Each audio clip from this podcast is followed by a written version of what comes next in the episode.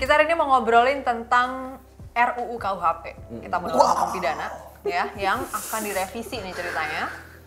Eh, jadi KUHP yang sekarang itu akan digantikan dengan KUHP yang baru yang nanti akan disahkan eh, dalam UU KUHP yang baru ini. Dalam waktu dekat ya. Dalam waktu dekat dari pihak panitia kerjanya Panja DPR yang mengurus RUU KUHP ini sudah mengumumkan katanya insya Allah akan disahkan 24 September. Berarti di bulan ini ya.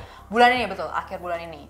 So, um, ceritanya gini, setelah gue ceritanya sempet nanya-nanya sekitar ya, uh, pada tahu nggak ada RUU KUHP? Ternyata tuh dikit banget yang ngeh kalau ada RUU sepenting ini. Tapi terus terang gua aja baru tahu eh, maksudnya rumusan detail dari beberapa R apa namanya KUHP Iya, ini RUU tuh KUHP. baru sekitar sebulanan yang lalu lah. Gue baru tahu kalau ternyata memang ada beberapa poin yang agak mengkhawatirkan. Kalau kalau Eno gimana? Baru taunya kapan? sebenarnya udah tahu lama, cuman nggak tahu sebanyak ini. jadi jadi ternyata banyak banget gitu. Karena Ratusan, ada Iya. sekitar 6, 600 pasal yang Iya, direvisi. ka- dan masalahnya juga tidak sedikit gitu. Jadi Iya, iya. bingung mau ngebahas apa ditambah eh, yang paling hangat kan sebenarnya di publik itu yang KPK ya. Iya, yang iya, lagi iya. angkat-angkat. Oh, ya, KPK, Tapi ternyata betul. di balik itu banyak juga yang membuat gua semakin mungkin akan menutup channel gitu daripada kenapa-napa mending tutup channel aja deh hidup sebagai pekerja freelance seperti biasa. Coba eh, ini lo, lo lo ngomong gini karena kapasitas lo adalah konten kreator ya. Ah, ah. Iya. jadi Siapa tahu ada yang masih belum tahu siapa kita gitu. ya kita kan konten kreator. Uh, kita sebenarnya juga bikin YouTube kan uh, kenapa sih gue ngomong kayak gini? Mungkin banyak yang belum tahu gitu. Mungkin ya mungkin yang ngeklik video ini juga bingung kita ngomongin apa sih. Jadi intinya itu RKUHP itu kan intinya bakal jadi undang-undang ya. Ya. yang di mana bakal jadi peraturan negara gitu kan. Yang di mana kalau lu melanggar ada hukumannya denda penjara atau dua-duanya gitu kan. Nah salah satu eh, bukan salah satu banyak.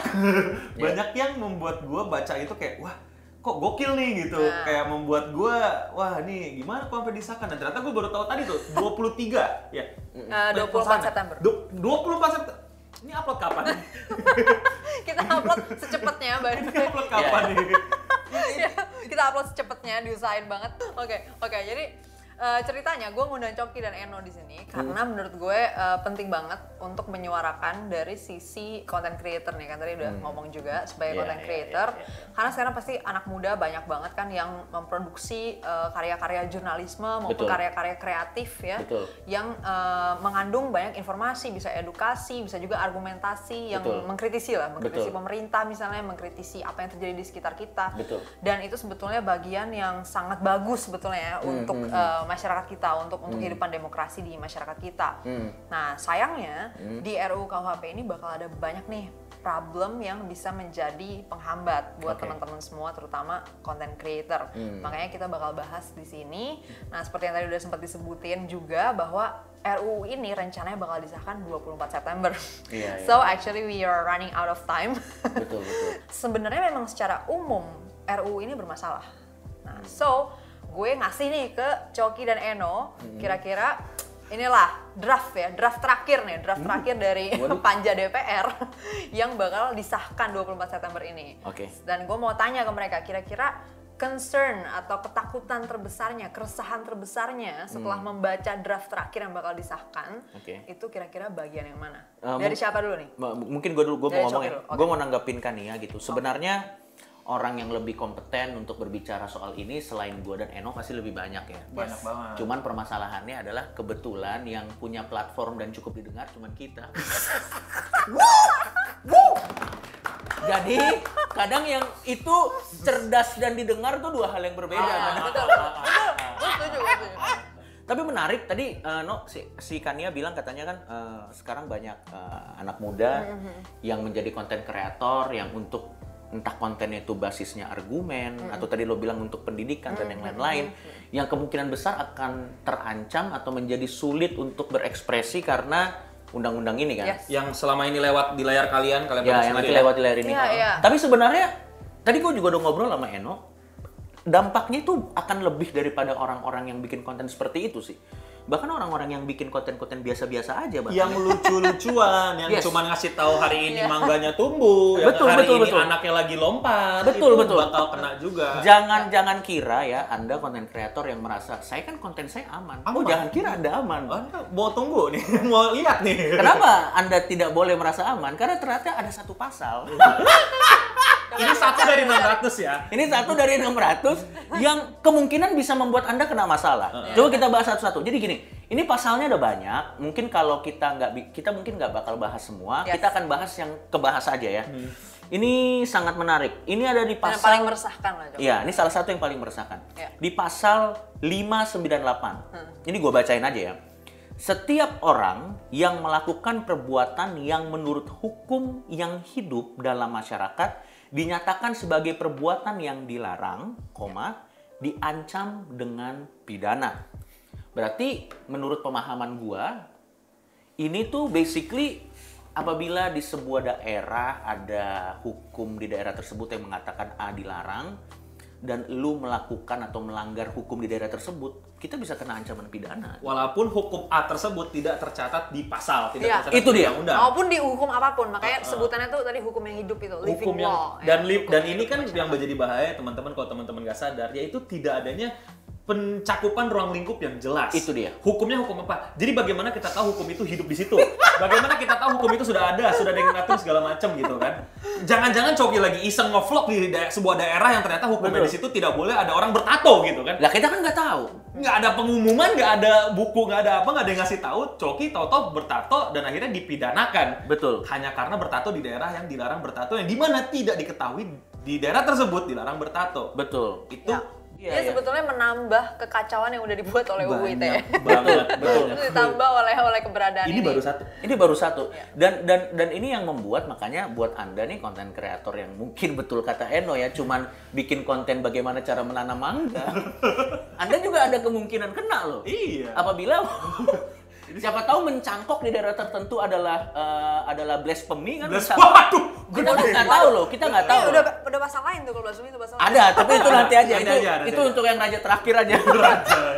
Jadi Iya, maksud gua men- batasannya nggak jelas dan membuat kita jadi betul kata Eno lebih rentan kena kriminalisasi atau kena tersandung hukum gitu. Ya. Ya. Hmm, dan Ada pasal lain lagi nggak yang menjadi keresahan? Marxisme dan Leninisme. Oh oke oke kita kita kita cari dulu ya biar biar akurat. Ya. Nyatanya Ini intinya tentang penyebaran ajaran komunisme dan Marxisme dan Lenin- Leninisme. Leninisme. Ya. Jadi ini di pasal 188. Dibacain dulu, bacain. Kita dulu. bacain aja ya. Jadi setiap orang yang menyebarkan atau mengembangkan ajaran komunisme, Marxisme, Leninisme di muka umum dengan lisan atau tulisan termasuk menyebarkan atau mengembangkan melalui media apa pun dipidana dengan pidana penjara paling lama 4 tahun. Itu yang pertama eh, pasal sat- pasal Ayat 188 ayat 1. Di ayat keduanya dalam hal perbuatan sebagaimana dimaksud pada ayat 1 dilakukan dengan maksud mengubah atau mengganti Pancasila sebagai dasar negara akan dipidana dengan pidana penjara paling lama 7 tahun gitu. Hmm. Jadi kalau nggak ada tujuan mengubah dasar negara itu pidananya 4 tahun. jadi jadi nggak ada tujuan apa apa nih, Jadi- nggak ada tujuan apa apa. Cuman, Ngomongin cuman nggak ada tujuan iseng apa. aja gitu gue pakai baju merah gitu kan. Iya iya. Karena ini termasuk loh kalau ada penggambaran. Penggambaran? bukan cuman bukan Ngomongin. cuman ngomong ya atau ada lambang-lambang. Terus tulisannya agama adalah candu gitu. Ya, atau nggak usah ada tulisan deh, gue pakai baju warna merah aja. Kuning, ada Karena- kuningnya ya? Atau karena gue iseng hobi pakai baju warna merah gitu kan. Hmm, Ya, gue bisa, lu merah-merah maksudnya apa ya bro? Ya, Ya merah. Maksudnya gue, Atau Iya, enggak iya, ada iya. ini palu arit kali ya. Iya Iya. misalnya yang yang sama sampai saat ini juga masih jadi kontroversi. Eh, ya, lain-lain. palu arit dan lain-lainnya. Jadi Hmm. ya luas banget gitu. Jadi pertama udah ngomongin aja di penjara. Kalau ditambah kita ngomongnya ternyata berusaha Untuk mengganti Pancasila. Tujuh tahun. Tujuh tahun. Pidana. Kesian banget apa orang-orang yang banyak bikin buku mengkritisi eh, ideologi ini. Karena for your information, di antara kita bertiga nggak ada yang setuju sama Lenin ya. Gue Hmm. Sama iya. Marxis ya. Kita kita pelajari, kita tahu, makanya kita nggak setuju gitu. Iya, iya. Contoh, Kani sama gue mungkin kalau kalian sudah tahu jelas ya bahwa gue makannya itu lebih kanan daripada kiri gitu. Hmm. Bahkan bahkan kita sering agak adu argumen sama orang-orang kiri di Kita Twitter sering gitu pakai kan. hashtag thank you capitalism. Thank you. Iya gitu, kita Iya, kapitalis banget yang di mana kalau kalian belajar kapitalis itu tidak akan pernah bersahabat dengan eh, iya. marxisme gitu, sama sosialis aja gesek ini lagi marxisme.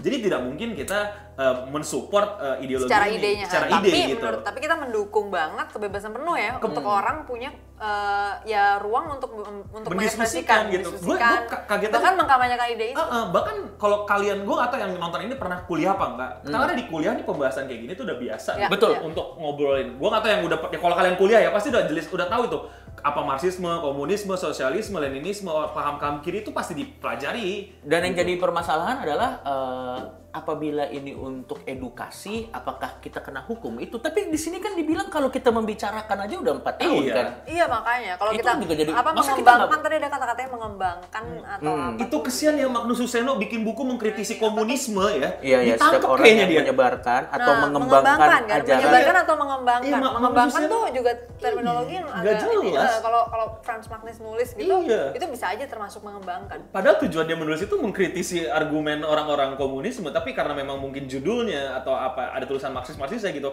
Ada loh ada tulisan Marxis udah penjarain aja udah larang Jadi aja. justru bahkan ini rentan banget eh, membuat kebebasan akademik juga terancam ya. Iya, Jadinya iya, orang-orang iya. tuh kebebasan ilmu pengetahuan tuh bisa terancam. Dan Iya. dan ini gue ada ada ada pepatah gue bukan pepatah ada quote gue gue lupa siapa yang bilang tapi menurut gue ini sangat menjunjung tinggi freedom of speech di mana dibilang gue boleh nggak setuju dengan argumen lo tapi gue akan mempertahankan hak lo untuk berargumen sampai mati. gitu. Jadi maksudnya setuju atau tidak setuju itu boleh tapi hak kita untuk berargumen itu aja. harusnya itu jangan Iya. jangan jangan di jangan dibatasi Itu gitu. dilindungi. Untuk orang-orang yang takut bersaing dengan ide-ide komunisme itu ya dengan mudah aja langsung mempidana orang yang membuat penyebaran ide Iya, tersebut. Nah di sini gue sama Eno dan Coki sebenarnya di situnya yang paling kita males Itu dia, karena seakan-akan kita menangnya tuh karena curang gitu loh. Iya. Karena Marxisme tuh nggak boleh disebarin jadi kapitalisme menang dengan gampang. Nih ada juga nih menurut Pasal lain aja, pasal lain Nih ini apa mengenai ruang nih di pasal 413 nih. Nih gue Oh, bacain ini, ya. Ini, ini uh, tentang pornografi. Tentang ya. pornografi. Iya, iya, iya. Ini kan karena beberapa kali paling nggak setahun sekali selalu ada nih kasus ini. Eh, nih. porno. Pornografi selalu ada.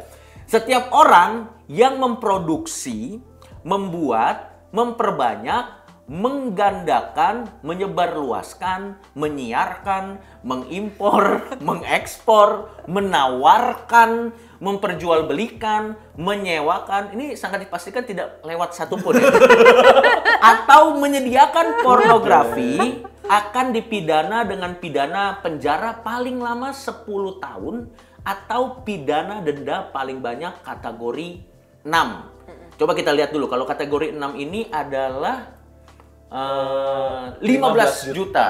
Jadi kita kan kena 15 miliar. 15 15 Eh, miliar. 15 miliar, woy.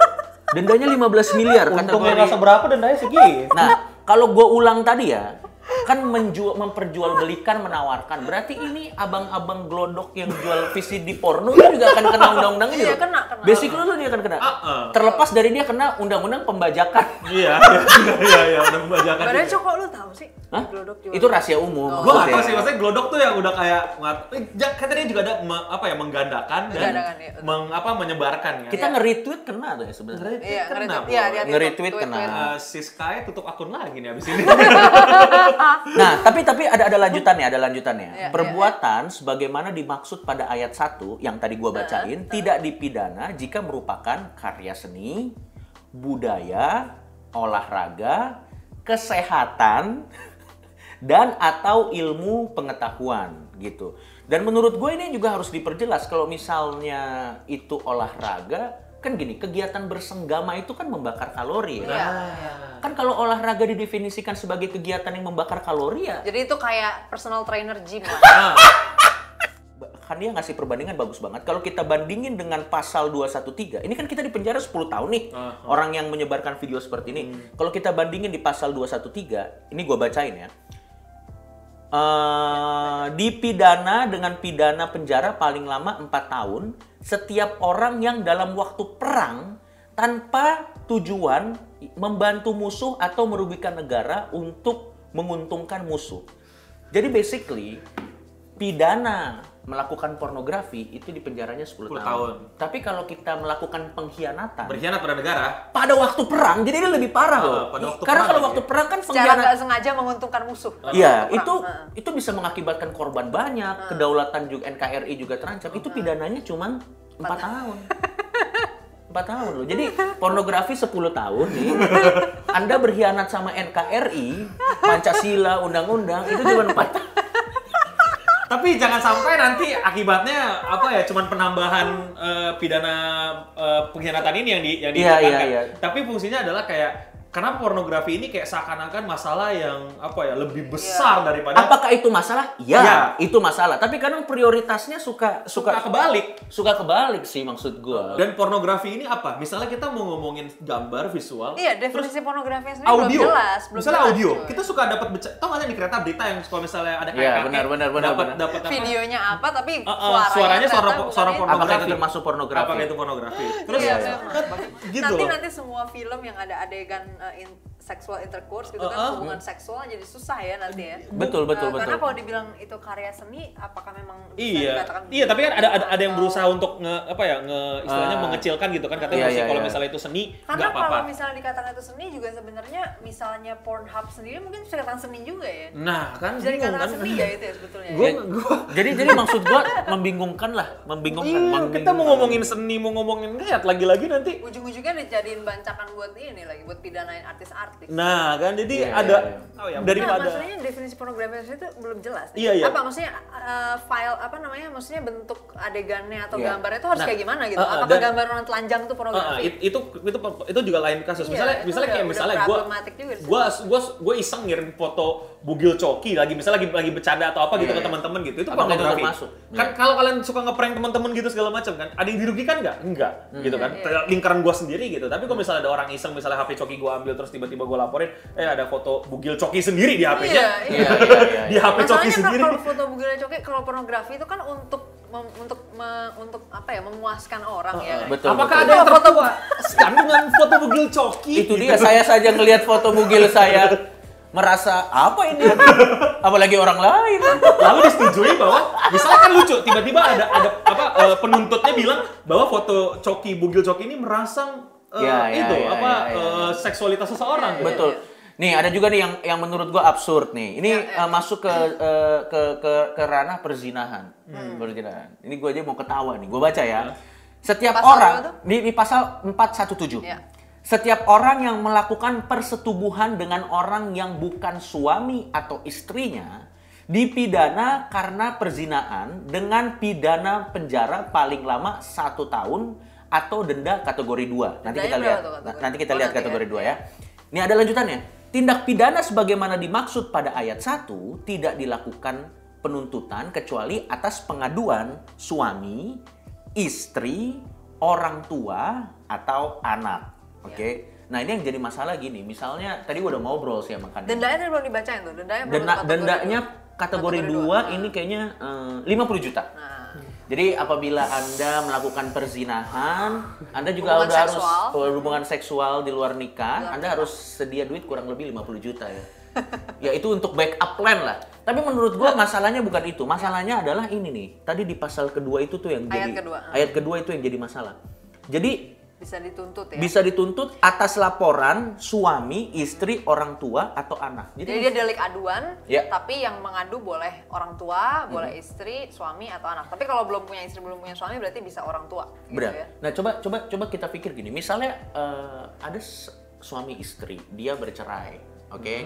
Terus ibunya ini atau istrinya ini setelah bercerai dengan pasangan sahnya melakukan hubungan seksual dengan orang lain gitu. Terus anaknya tidak setuju. Ngerti nggak lo maksud tuh? Berarti anaknya Gini, bisa menuntut gini, orang gini, tuanya gini, sendiri. gini, Lo paham nggak sih maksud gini. Coki misal, misal Coki menikah dengan Kania, Iya. tapi bercerai. Sudah bercerai. Tapi punya anak. Tapi punya anak. Anda akhirnya bersetubuh dengan orang lain. Ya. Tapi sudah tidak dalam kondisi sudah tidak menikah nih. Ah, Iya, jadi iya. karena udah bercerai. Sudah bercerai, iya, iya. Tapi akhirnya Anda bersetubuh dengan orang lain. Betul. Secara konsen, sama-sama mau. sama-sama mau, tidak ada pemaksaan. Cuman anak Anda nggak suka, Anda enak-enak gitu Iya. kan. Betul, betul. Menurut gue sih absurd banget sih. Dan pembuktiannya juga bisa jadi ambigu loh. Itu dia, pembuktiannya juga gimana? Apa Bukan, berarti dia bisa melampirkan video, itu ada pidana penyadapan udah lihat belum? Jadi kan orang nggak boleh merekam tanpa izin kan. Jadi kalau misalnya gue mau membuktikan bahwa misalnya tadi Coki berhubungan seksual dengan siapa itu perempuan lain misalnya, nah itu kan gue nggak bisa merekam tanpa izin. Jadi Betul. pembuktiannya likely bukan video langsung kan, bukan video lagi bersenggama. So biasanya bukti-buktinya tuh bukti-bukti yang bukan bukti gitu. Misalnya contoh, pasti bu- kemarin mobilnya Coki ada tuh di rumah. Nah, itu tuh. Loh, kalau memang kebetulan nitip mobil saya gimana? Kan maksud gua, udah gitu maksud gua kenapa kehidupan eh, kalau dalam kasus tadi kehidupan orang tuanya jadi Uh, Maksud gua kan Iya, setiap jadi orang bisa diintervensi Itu kan gitu ranah ya. private orang ya. Selama itu tidak ada unsur pemaksaan. Ini menurut gua secara pribadi ya. Iya. Selama tidak ada unsur pemaksaan di sana dan dilakukan atas suka sama suka dan tidak ada orang lain yang dirugikan, kenapa dia harus terpenjara oleh opini anaknya sendiri? Dia juga nggak bisa. Masa dia nggak berhak menjalani hidupnya Iya. dia? Mis- ada misalnya ada orang tua lo yang bete sama lo, ah Coki harusnya sama Kania, gue laporin Iya. aja nih. Bisa nggak gue kayak gitu? Misalnya gue orang tua lo nih gitu, Cok, wah lu cerai sama Kania, wah lu sama orang lain, wah laporin lah, nggak suka Iya, iya. Loh, tapi berdasarkan ini harusnya bisa sih. Berdasarkan undang-undang ini harusnya bisa. Indonesia Di... rentan sekali keluarga. Masalahnya bu- bukan cuman kalau dianya udah cerai ya, tapi kalau misalnya lo nggak direstuin sama orang tua lo, terus Nah, orang tua lo dia. udah punya pasangan yang buat dijodohin sama lo gitu Oh, iya. Itu gila banget kan, lo lagi pacaran sama orang, terus ya udah gue tinggal ngegapin aja lo lagi di kosan bareng. Atau sesimpel ancaman aja orang tua yang ancam. Iya. Saya sudah jodohin Kania dengan Muslim misalnya gitu Iya, ya, iya, iya. dengan ternyata Muslim gitu kan. Coki, kalau kamu masih dekat-dekat dengan Kania, ingat pasal berapa tadi? Baca. Iya, iya, iya. Saya mau ingatkan kamu dengan pasal gitu langsung. Coki, ingatlah kamu pasal 417. 417, 417. Anda mau melakukan 417 Coki? Iya, iya, iya. Gitu. Nggak, tapi memang itu menurut gua aneh banget dan menurut gua yang paling krusial adalah eh, cara pembuktiannya sih. Karena apa pembuktian seseorang pernah jadi ya cuman bisa dilakukan dua cara. Ketangkep basah, tapi kan itu sangat tidak mungkin Sa- terjadi iya, ketangkep sangat- basah kan sangat kecil, heeh. sangat unlikely kan. Kecuali memang masih hobi Anda di sawah-sawah kan. kita Iya, iya. Kalau ketangkap basah, kan- nah kalau kita tidak bisa memberikan pembuktian yang tertangkap basah, cuman dari misalnya Mulut ke mulut. mulut ke mulut atau cuman mobilnya ada di apartemen si ini atau kelihatannya atau lagi barengan bahkan Atau lagi hotel barengan. misalnya. Atau mau pakai versi netizen. Apa? I- IG story-nya barengan nih. Nah, gimana tuh? atau ini pakai versi netizen lebih jujur kayaknya ceweknya gemukan. Nggak maksud gue cara pembuktiannya aduh itu ruang untuk mengkriminalisasi orang jadi lebih banyak. Terus ada lagi nih kita bahas aja nih. Sebelum kita yang ke terakhir Banyak, Pak. banyak banget. Ini dia eh, bagian penggelandangan menurut gue ini lucu banget Ini cukup komedi. Ini ini yang tadi gue sempat baca juga Cok, ini komedinya lum- lumayan. Ini jadi pasal 432 ya, dibilang gini, setiap orang yang bergelandangan di jalan atau di tempat umum yang mengganggu ketertiban umum dipidana dengan pidana denda paling banyak kategori satu. Jadi basically kalau Anda gelandangan dan dianggap mengganggu ketertiban umum, Anda didenda eh, kategori satu atau dipenjara. Kita lihat. nggak nggak ada penjaranya Oh, nggak ada penjara. denda Jadi berdenda aja. kan? Didenda aja. Jadi Dikata- misalnya Anda iseng gitu kan, eh, tiduran di taman gitu kan, ngegembel gitu kan, Anda ditangkap gitu, Anda ganggu ket- ketertiban publik nih. Nah, ada hukumannya nih yaitu berdenda Hmm. kategori kategori satu yaitu 10 juta. Jadi kalau Anda gembel, Anda dihukumnya adalah didenda 10 juta. Enggak, maksudnya gini loh. Kita kan jadi gembel ya karena nggak punya 10 juta dong. Masa kita gini, kita kan jadi gembel karena kita nggak punya 10 juta, Ah, ah. tapi hukumannya disuruh bayar 10 juta. Ini ini beneran gue melakukan research. Bikin gerobak ketoprak itu 5 juta loh. Kalau ini orang punya 10 juta daripada ngegembel, dia jualan ketoprak dong.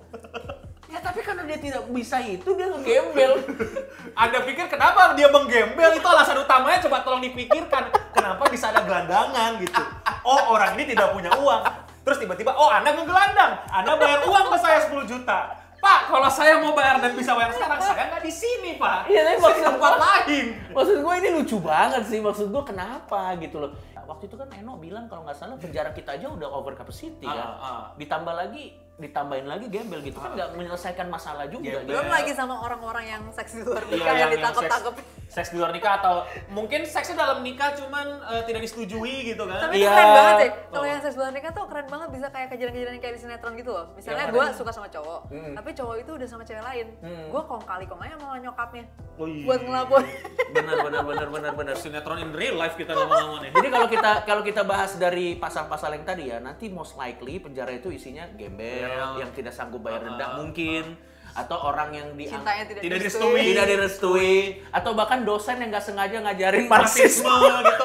Penulis-penulis buku yang sempat bikin liputan paper mengenai marxisme atau gitu. konten kreator yang nggak sengaja melanggar aturan daerah daerahnya. tertentu Ah, gitu pasal 240 penghinaan terhadap pemerintah. Setiap orang yang di muka umum melakukan penghinaan terhadap pemerintah yang sah berakibat terjadinya kerusuhan dalam masyarakat dipidana dengan penjara paling lama 3 tahun. Terus setiap orang yang menyiarkan pasal 241, setiap orang yang menyiarkan dan mempertunjukkan atau menempelkan tulisan atau gambar sehingga dilihat oleh umum, memperdengarkan rekaman sehingga terdengar oleh umum atau menyebarluaskan sarana teknologi informasi yang berisi penghinaan terhadap pemerintah yang sah dengan maksud agar isi penghinaan ters- tersebut diketahui umum yang berakibat terjadinya keonaran atau kerusuhan dalam masyarakat dipidana dengan pidana penjara paling lama 4 tahun atau pidana denda paling banyak kategori 5. Kategori lima tuh berapa miliar? Kategori 5 itu lumayan nih 2 miliar. Iya, 2 miliar ya? Iya, 2 iya, iya, iya, iya. Dan ini kan kerusuhan dan keonaran kan Katanya, sering eh, kan, kan kalau misalnya terjadi kerusuhan dan keonaran. kan? Iya, tapi masalahnya untuk me- untuk melihat misalnya sebuah kerusuhan itu penyebabnya dari mana dari mana ini kan susah membatasinya ya. Uh-uh. Apalagi Iya, di iya. era internet kayak gini kan. Karena kalau misalnya, iya, misalnya kita ngomongin kayak gini, ini misalnya kita ngomongin kayak gini, tiba-tiba ada, rusuh.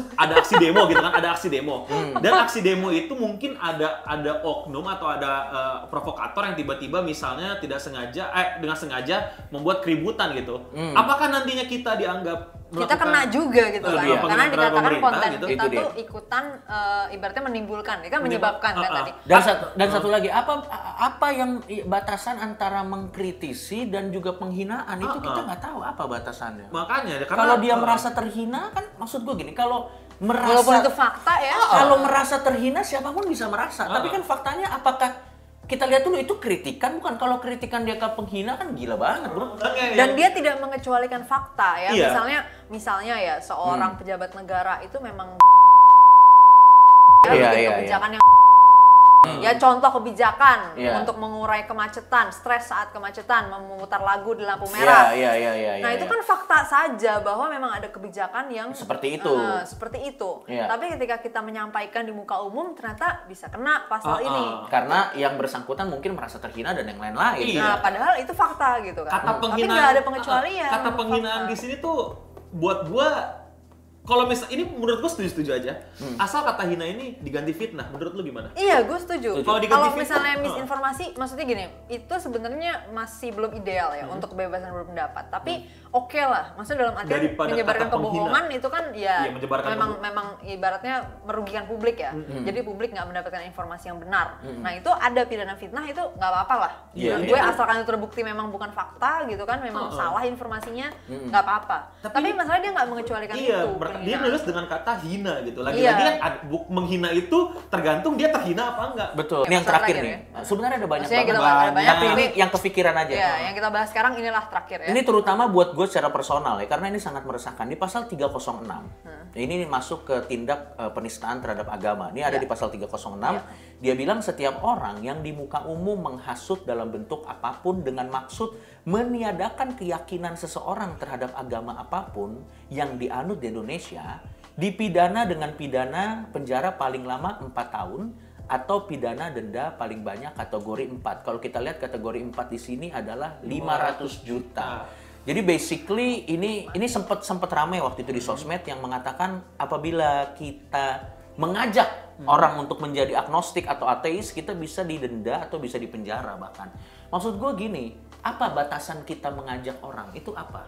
dan lucu juga sih ketika lu bilang misalnya nih mohon maaf nih ya gue kan punya punya teman yang agnostik ateis dan hmm, lain-lainnya gitu hmm. mereka tuh tidak penting mengajak orang ngerti nggak lu Betul. karena mereka tidak mendapatkan kalau misalnya kita pelajari eh, kepercayaan atau Betul. Hmm. pemikiran mereka ya karena mereka tidak percayakan konsep nanti masuk surga atau neraka gitu Iya, karena iya, mereka iya. ya yang ngapain gue banyak-banyak pengikut Banyak-banyakan gitu. umat. Betul, Nah, Jadi betul. mereka mau mau menghasut bagaimana gitu atau sesimpel kayak misalnya nih misalnya nih Iya.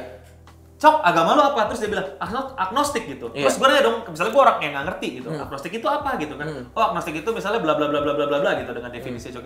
Apakah itu termasuk mengajak? Padahal Itu dia cuman cuman ngejelasin kan. Nah, Itu lu, dia. lu nanya gue agnostik apa gitu. Itu dia. Dan kalau misalnya ada orang yang bertanya ke gua, terus gua jelasin, terus Nah. orang yang gua jelasin menurut versi dia tercerahkan. Iya. Lah terus masa tanggung jawab gua? Iya. Nanti Masa gua di penjara gara-gara dia Tapi- memilih? Maksud gua Kalau apa? misalnya agnostik ateis itu masih apa ya? Maksudnya kategorinya masih lumayan jauh lah. Kategori yang lebih dekat itu sebetulnya agama-agama minoritas. Tadi kan soalnya disebutkan agama-agama yang dianut di Indonesia. Iya, agama-agama yang berarti diakui di Iya, Indonesia iya, gimana secara dengan- legal. Bener iya, juga. Gimana kepercayaan yang emang dia minoritas nih dan dia nggak diakui secara formal. Hmm. Nah tapi dia kan pasti berkampanye dong. Namanya orang punya kepercayaan Ah, kan ah, pasti dalam artian berkhotbah lah gitu Iya, kan. Ya iya. sama aja kayak agama-agama besar kan juga hobi banget tuh salesman-nya di mana-mana. Hmm. Nah, gimana dengan agama minoritas? Gimana mereka mau promosi orang ada kayak ginian? Iya. Berarti dia nggak bisa dong bertempur ide secara fair gitu loh. Iya iya iya. Sebenarnya iya. ya itu. Ibaratnya kayak Ah, ah. kayak brand smartphone gitu, jadi yang boleh kampanye Samsung doang gitu. Apple nggak boleh kampanye. Hmm. Ini kan namanya Samsung mendominasi itu secara curang gitu loh. Nah, Hmm. agama-agama besar berarti jangan jangan apa ya, jangan bangga kalau misalnya jumlah umatnya banyak. Jadi jumlah umatnya banyak kan bukan gara-gara emang mereka mau, tapi Iya iya. nggak ada yang kampanye boleh kampanye buat Ada promosi ada faktor lain. X seperti pasal 306 itu. Iya. yang bikin orang lain nggak boleh kampanye. Iya, dan- dan kalau agama lo doang yang boleh kampanye. dan dan terlepas dari itu juga kalau kita masuk ke agama minoritas yang belum diakui di Indonesia, Ya, kalau betul. kita masuk lagi ke yang Eno bilang ya atau yang pengalaman gua agnostik atau Hmm. ateis, yang jadi yang jadi concern buat gua batasannya ini sangat karet sekali sih. Iya, betul. Batasannya sangat karet. Jadi akan sangat membuka ruang di mana jangan-jangan mengekspresikan eh, apa yang kita Keraguan. percayai atau mengekspresikan keraguan bisa dianggap untuk mengajak loh. Itu kan ngeri banget loh. Anda nanti tolong bionya dicek di Instagram dan Twitter Artisan Agnostik ya. Sekarang nggak boleh. Anda menyebarkan itu.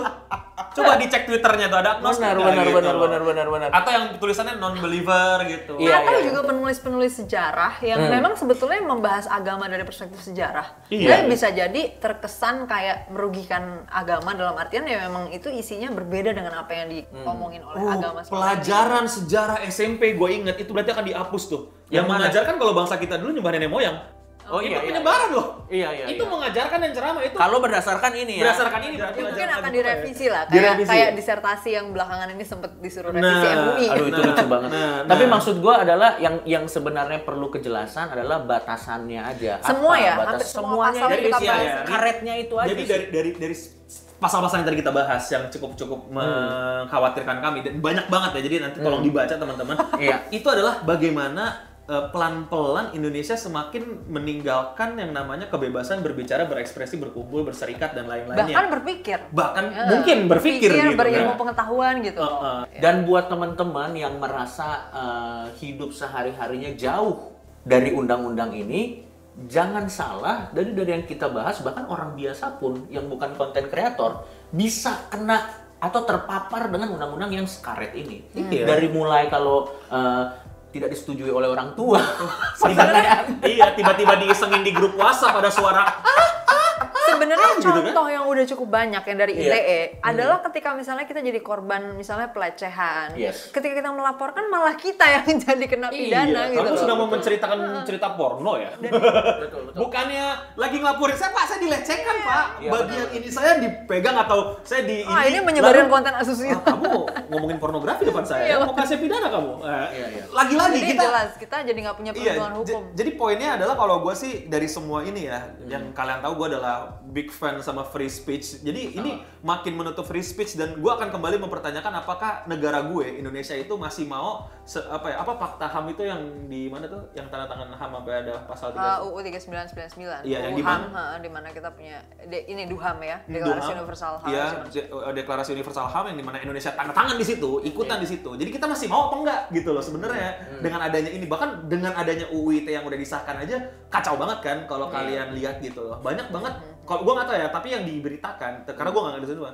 Banyak banget UU ITE itu dikenakan pada orang yang menurut gua harm no no harm others gitu kan yang tidak Iya, iya. merugikan yang tidak berbahaya bagi negara gitu. Dan itu belum masih menggunakan versi yang belum tanda kutip disempurnakan dengan yang ini nih. iya ditambah ini nanti Betul sih. uh, Dan, dan ngeri sih, ngeri Ya, banget. jadi bener tadi kata Coki. Kalian yang merasa, wah tenang, saya konten saya aman-aman saja. Oh, saya oh, apa masyarakat yang biasa-biasa saja gitu. Belum aja gitu. Belum, belum, Ki- belum. Kita juga awalnya bertiga mungkin berpikir sama negara ini, ya udahlah kita juga hidup gitu-gitu sampai ada teman kita satu net gitu kan. Iya, ada orang iya. ketarik mulai deket, Ah, di internet iya. kesebar berita gitu kan. Jadi Iya, iya. ya ini mungkin peringatan terakhir ya. Betul, betul. Karena tadi ada yang kalian tahu kan ada tentang mengkritisi pemerintah dan lain-lain. Ya, dan ya, ya, ya. karena saya bukan orang kaya, saya nggak bisa nyewa Hotman Paris. Hmm. Jadi daripada saya kena, mungkin ini terakhir kalinya gue ngomongin masalah yang kayak gini gitu. Kalau misalnya tanggal 24 ini disahkan, gue mau main aman aja. Tapi Iya, iya. apa sih yang bisa kita lakukan untuk untuk- untuk? Nah, tapi bukan berarti Oh, ini Iya. akhir ya gitu. Iya. Karena kita masih bisa melawan sebenarnya. Mm-mm. Gue rasa sih untuk sekarang kita mesti bareng-bareng ya membangun uh, hype lah terhadap isu ini sehingga publik bisa sama-sama bersuara. Iya. Nah sebenarnya ada banyak pasal dari RKUHP yang sebetulnya bagus untuk dikawal untuk tetap bisa ada di dalam KUHP ke depannya. Tapi ya kita harus revisi dulu nih pasal-pasal yang bermasalah ini supaya justru nggak menimbulkan banyaknya korban kriminalisasi yang tadi udah diomongin sama Eno. Nah mungkin uh, untuk the next beberapa minggu ke depan ya sampai tanggal 24 kita berharap kita masih bisa mencegah supaya ditunda dulu uh, pengesahan RU ini diperbaiki dulu bagian-bagian yang Sama kayak problematik waktu itu. RUU musik itu ya. Iya, iya. Tapi kalau RUU musik kan masih awal banget ya. Kalau ini Iya. benar-benar udah final dan udah tinggal disahkan Tinggal doang nih disahkan. tanggal Ngeri 24. banget bro, ngeri, Nah. ngeri, ngeri, ngeri, ngeri. Nah, caranya adalah kita pastinya bakal mungkin bikin campaign nanti bisa lihat aja kalau Iya. ya di IG-nya Coki atau IG Iya. Eno. Nanti kita Atau bakal di IG share orang yang concern dengan free speech ya. Ya, kita bakal update nantinya misalnya hashtagnya apa dan kapan kita bisa aksi massa juga. I think kita mesti ya, we have to do that, turun Iya, ke jalan Terlalu dan banyak. dan ya memperjuangkan inilah sebenarnya juga again bukan nolak sepenuhnya ya tapi Iya, tadi itu ada tuh, beberapa betul, pasal betul. bermasalah jadi Betul. dari 600-an pasal yang direvisi itu sebetulnya kira-kira mungkin 100-an lah ya yang bermasalah Hmm. sebenarnya banyak ya nah cuman tadi kita sebutin sebagian kecil 100 banget tuh generous banget sih. kita belum belum belum mencoba untuk menggerogoti yang lain gitu kan. Tapi Nah. setidaknya ini yang yang bisa kita eh, expose ke kalian yang Ya. kalian mungkin ya wajar sih kalau misalnya kalian kalian nggak tahu, kalian nggak ngerti kok tiba-tiba gini dan kaget. Ya tadi ya, tadi ya kita bukan yang mau ngasih kalian kayak semacam eh, bad news dan tiada solusi, kita masih bisa melawan ini kalau kalian mau. Ya. Kalau kalian masih mau berjuang bersama kami. Tapi kalau misalnya Yes. kalian memang pengen duduk di rumah anteng gitu ya, nggak Ya. berani ngevlog ke daerah-daerah aneh gitu kan, dan pengen ikutin aturan nyokap aja nikah sama siapa gitu, atau memang pengen keluar dari grup WhatsApp yang suka iseng-iseng gitu ya, Iya, iya. ya terserah kalian. Tapi kalau kalian masih mau berjuang, mumpung Ya. kita masih mau nih, yuk bareng-bareng yuk, Yuk, gitu. Mungkin kita nentuin hashtag sekarang nih apa ya? Ya? Eh, yang udah rame belakangan tuh sebenarnya tunda RKUHP. RKUHP, Jadi tunda, tunda. eh, tunda Ah. RKUHP. Apa kita mau nah, ganti? kita tambahin juga nih nanti. Hentikan apa gimana? Revisi kali ya? Revisi. RKUHP. Iya. Hashtag Iya. revisi RKUHP. Ya, revisi. RKUHP. eh. Revisi. Hashtag itu ya. Kan Pasal. kayak revisi skripsi gitu loh. Skripsi aja kita revisi mulu. RKUHP Iya. revisi dulu Uh-uh. deh ya. Iya, iya, iya. Yang iya. pasal-pasal yang Jangan sampai problematik nanti begitu udah terlambat, kita nggak bisa ngelakuin apa-apa, kita baru baru merasa, aduh harusnya dulu. Ya, Uh-uh. berjuang sebisa Jangan sampai nanti kalian capek-capek bikin change.org gitu ya, gara-gara baru kena kasusnya gitu kan. Lindungi coki gitu kan. Atau teman kalian misalnya Tapi namanya change.org Budi pernah gitu. berhasil nggak sih? Pernah ada beberapa. Pernah, pernah ada beberapa. Iya, gitu. iya. Ya kalau misalnya change.org yang aneh-aneh ya enggak. Ada kan yang yang change-change yang nggak jelas gitu kan. Yang Gitu. nyerang area 51. Iya kan. Ya juga banyak yang ngaco-ngaco gitu. Tapi ya menurut gua eh, jangan sampai nanti kalian cari tahu gimana cara bikin change.org buat nyelamatin teman kalian dan lain-lain. Ini Iya. terlambat. ini Kita cegah di depan. Kita cegah Iya. di depan, jangan sampai kita capek-capek cari eh, pengobatannya gitu. Iya. Jadi Iya, masih bisa kita betul. ngomongin bareng-bareng. Waktunya tinggal dikit. Yang kalian bisa lakuin sekarang mungkin untuk sekarang ya, kalian bingung mau ngapain jadi kita, kita mesti ngapain nih no gitu apa segala macam. Sebarin video ini. Iya. Ajak ngobrol teman-teman kalian di WhatsApp, Betul. di tongkrongan, di Facebook, di Twitter, di Instagram, Friendster sebelum nanti kalian nggak bisa nongkrong lagi untuk ngomongin hal yang kayak gini. Benar. Uh. Benar. Ya. Oke.